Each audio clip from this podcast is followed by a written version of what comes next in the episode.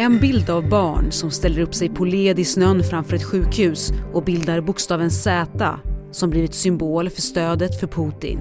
It's disgusting that the state is co-opting uh, young children to be propaganda mechanisms for their war. Den ökända stridspiloten The Ghost of Kiev sägs ha skjutit ner tio ryska jaktplan. Är det en myt som sprids av Ukraina? På en kvart får du veta hur Rysslands och Ukrainas propagandakrig skiljer sig åt och varför berättelsen om kriget är nästan lika viktig som militära framgångar på marken. Ukraine is a tech-savvy nation. Its citizens have turned every cell phone into a news source and every social media app into a strategic tool of war. Det är fredag den 11 mars och jag heter Fanny Härgestam.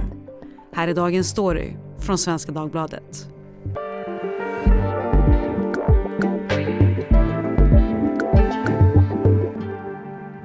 Jack Werner, frilansjournalist och expert på källkritik. Du skriver ju bland annat hos oss här på Svenska Dagbladet. Du liknade Putin vid den fransk-belgiska serietidningsskurken Safir i en text i SvD häromdagen. Berätta, varför? Jo, eh, Safir är då alltså en skurk ifrån seriealbumen eh, Spiro. Eh, från eh, 50-talets slut kommer den här figuren just. Ehm, och Safir är eh, en, en, ja, ett ingenjörsgeni som eh, vill nå världsherravälde och eh, gör det genom att hjärntvätta människor och kidnappa dem och göra dem till hans viljelösa armé. Han sätter också sätan på deras uniformer. Le monde dans une nouvelle ère, grâce à moi. Och det som har hänt i Ryssland eh, de senaste veckorna är att man har eh, uppifrån och ner arrangerat en propagandakampanj som går just ut på det Z som mm. i början syntes på eh, ryska pansarfordon eh, som eh, samlades kring gränsen till Ukraina innan invasionen och som man inte riktigt vet vad det betydde då men som kanske betydde att eh, var de skulle åka i, i Ukraina eller varifrån i Ryssland de kom eller vilken stridsgrupp de tillhörde. Eh, det har liksom byggts en ganska orkestrerad kampanj kring Zätat. Om man går tillbaka till Safir då, för i slutet på Spiro så, slu så visar det sig eh, i historien om Safir att han försöker liksom hjärntvätta fram stöd. Mm. Eh, och, och, lite är det det man kan faktiskt skönja i, i Z-kampanjen tycker jag, att den är så tom.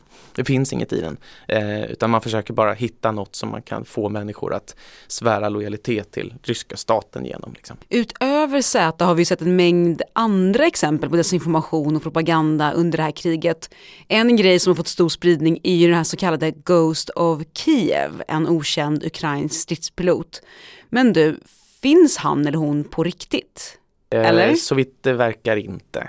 Eh, det som har framkommit är väl mer, det har varit någon bild på en pilot i en hjälm som man inte kan se igenom som eh, före detta presidenten Petro Poroshenko har lagt ut på sociala medier och eh, det har liksom talats om figuren i ah, det är väldigt beundrande men det är mer och mer liksom legendartade termer. Så att nej, eh, Ghost of Kiev verkar inte finnas utan det är liksom mer av en stark berättelse, en illustration utav eh, känslan av David mot Goliat som jag tror präglar ganska mycket av Ukrainas dels självframställan men också säkert eh, ärliga känslor just nu. Om man tar ett annat exempel, en ganska känslosam film som finns där en eh, pappa säger adjö till sitt lilla barn och gråter mot barnets bröst, liksom, jack, mot barnets jacka. Det är säkert många som har sett. Ja, och som ju är oerhört för den som har barn så är den ju oerhört gripande för det är väldigt svårt att inte placera sig i den situationen. Att liksom tänka hur det skulle vara själv. Ehm, det där sades då vara en ukrainsk frivillig soldat som lämnade sina barn för att kämpa mot ryssarna. Men första gången den filmen publicerades så sades det vara en ryss som gjorde motsvarande. Ehm, så att det där är ju då ett exempel på att den här historien hade liksom större framgång som propaganda för Ukraina. Men den kanske publicerades ursprungligen som någonting annat. Propaganda ett ord som för många för tankarna till Nazityskland, IS eller kanske 50-talets USA. Our forefathers were constructing the foundation of this nation by interlocking inseparably the blocks of our political and economic freedom. Men propaganda är också det som våra svenska politiska partier ägnar sig åt i valtider i Sverige.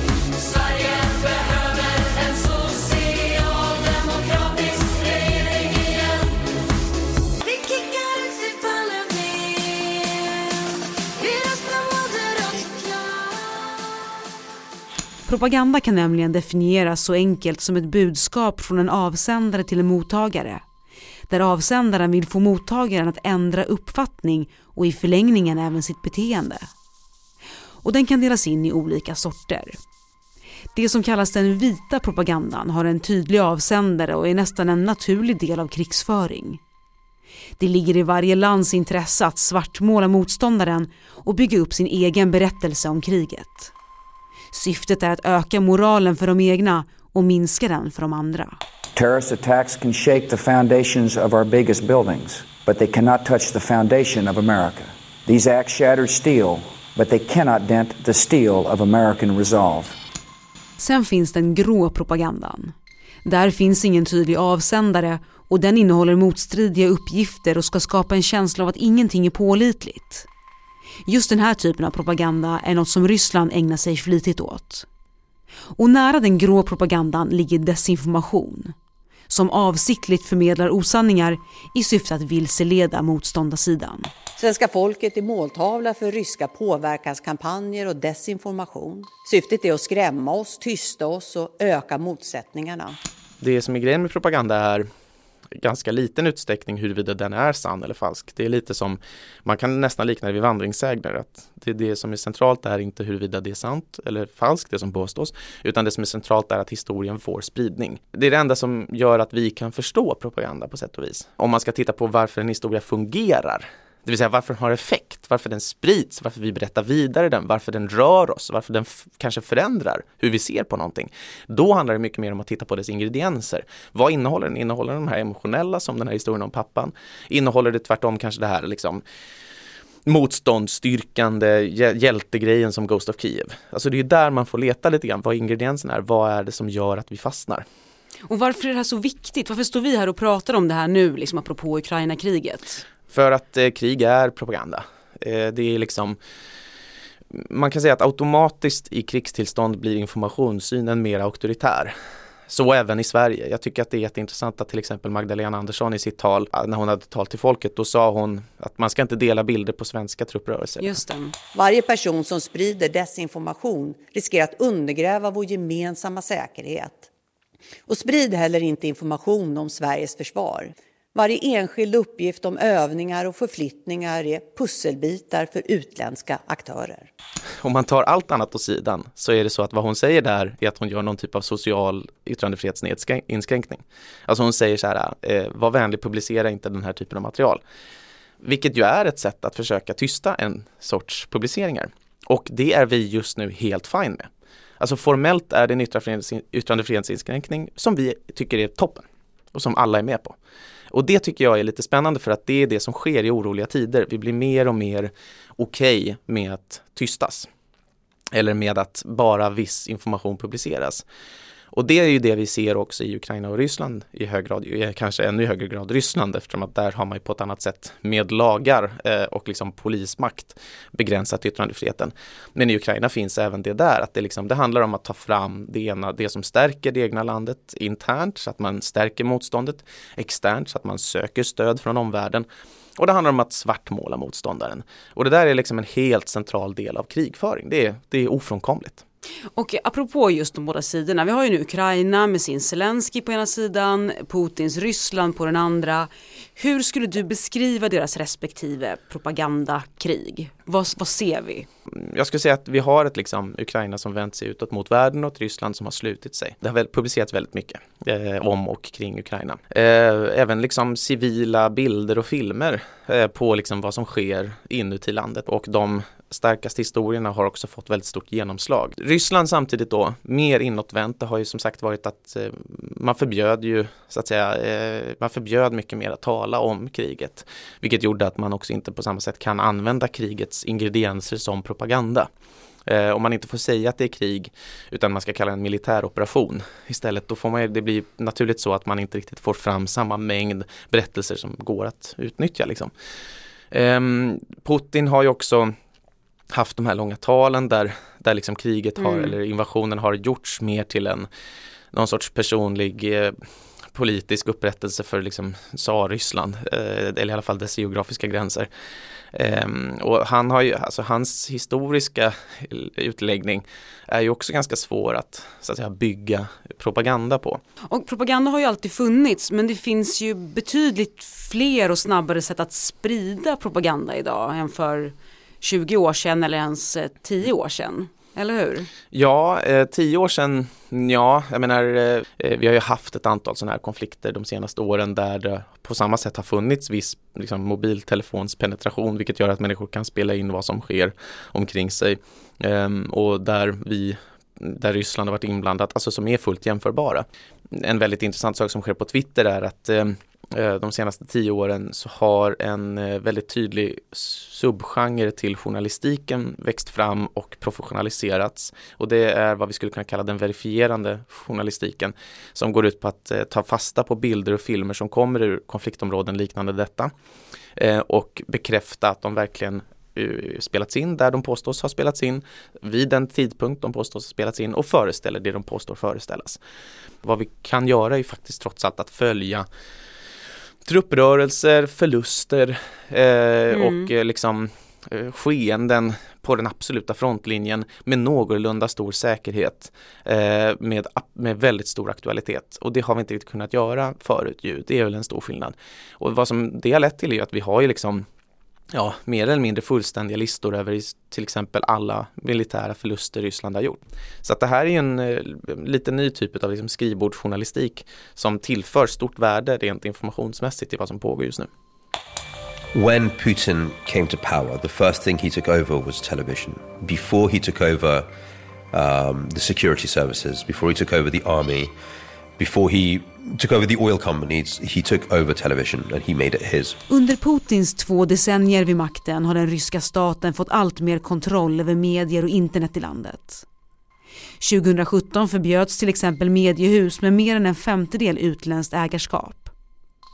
Och nya lagar från 2019 har gjort det möjligt att skapa ett eget ryskt internet där statliga myndigheter kan styra trafiken. Det finns i lagen som nu trätt i kraft möjligheter att helt koppla loss Ryssland från det globala internet. Och sen invasionen mot Ukraina har Putin dragit åt snaran runt medierna ytterligare. Så till den grad att enskilda ord som krig och invasion har förbjudits. Endast så kallad officiell myndighetsinformation får publiceras och flera utredningar mot oberoende nyhetsmedier har inletts. Well, a new Iron Curtain has fallen in Russia, and this time it's an information Iron Curtain. That's why most Russians don't know what's really happening in Ukraine. The Kremlin today blocked Facebook and Twitter. Och att publicera så kallad falsk information om de ryska styrkorna kan ge upp till 15 års fängelse. Det här har lett till att flera internationella medier, bland annat amerikanska CNN och tyska Deutsche Welle, har tagit hem korrespondenter och stoppat sin rapportering från landet. Men också västvärlden har infört begränsningar för medier. De Putinvänliga medierna Sputnik och Russia Today har förbjudits inom EU. Vi, när vi förbjuder RT och Sputnik, även om man kan förstå skälen bakom och att man kan också sympatisera med att de är propagandamedier, så finns det ändå en poäng i att ha ögonen på när vi börjar förbjuda eh, medier. För att det är, det är nästan ofrånkomligt en eh, steg på vägen till den här mer auktoritära informationssynen eh, som inte är bra, rent liksom sakligt i sig inte är bra. Ehm, så vi tappar ju dels liksom, i någon mening tappar vi oss själva när vi börjar förbjuda fienders medier. Ehm, sen så är det ju så att vi har betydligt sämre koll på vad som, vanliga, vad som händer i Ryssland och vad vanliga ryssar och ja, hur det ryska samhället påverkas av det här. Eh, det blir ett mindre transparent land. Det är ju liksom på ett sätt är det ju, och jag menar nu när typ eh, mm, Coca-Cola, McDonalds drar sig tillbaka där också, det är så svårt att inte associera till liksom 80-talets kalla krig igen. För att plötsligt så är det så vitt skilda världar vi talar om. Ehm, så att jag skulle säga att den stora faran här är ju att vi tappar den här känslan för vad det är som sker i Ryssland. Kan propaganda avgöra kriget?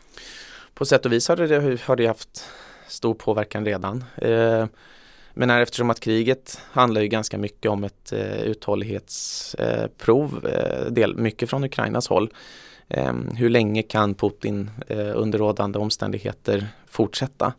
Ehm, och i så fall eh, vilken skada kommer han hinna åsamka innan det slutar? Ehm, så är det ju så att propagandan har ju redan vänt världen till stora delar till, till Ukrainas sida. Ehm, och på det sättet så har det redan, skulle jag säga, haft en enorm påverkan. Och, vi vet ännu inte hur det här slutar och vi hoppas ju att det inte blir liksom långvarigt, att det kan ta slut snart. Men eh, den dagen det gör det så tror jag att det kommer vara svårt att summera det här utan att ta hänsyn till hur berättelserna, hur informationen spreds i de här första eh, så händelserika veckorna. Tack Jack Werner för att du var med i Dagens Story. Tack. Vi som gjorde programmet idag är producent Martina Pierro Bäckman, redaktör Erika Hallhagen och jag heter Fanny Härgestam. Du har lyssnat på Dagens Story från Svenska Dagbladet. Vill du kontakta oss så mejla till dagensstory.svd.se. Klippen i avsnittet kom från Sveriges Radio, The Guardian, PBS, CBS News, CNBC, CNN, BBC, MUF, SSU, TV-serien Spirou och Sveriges regerings hemsida.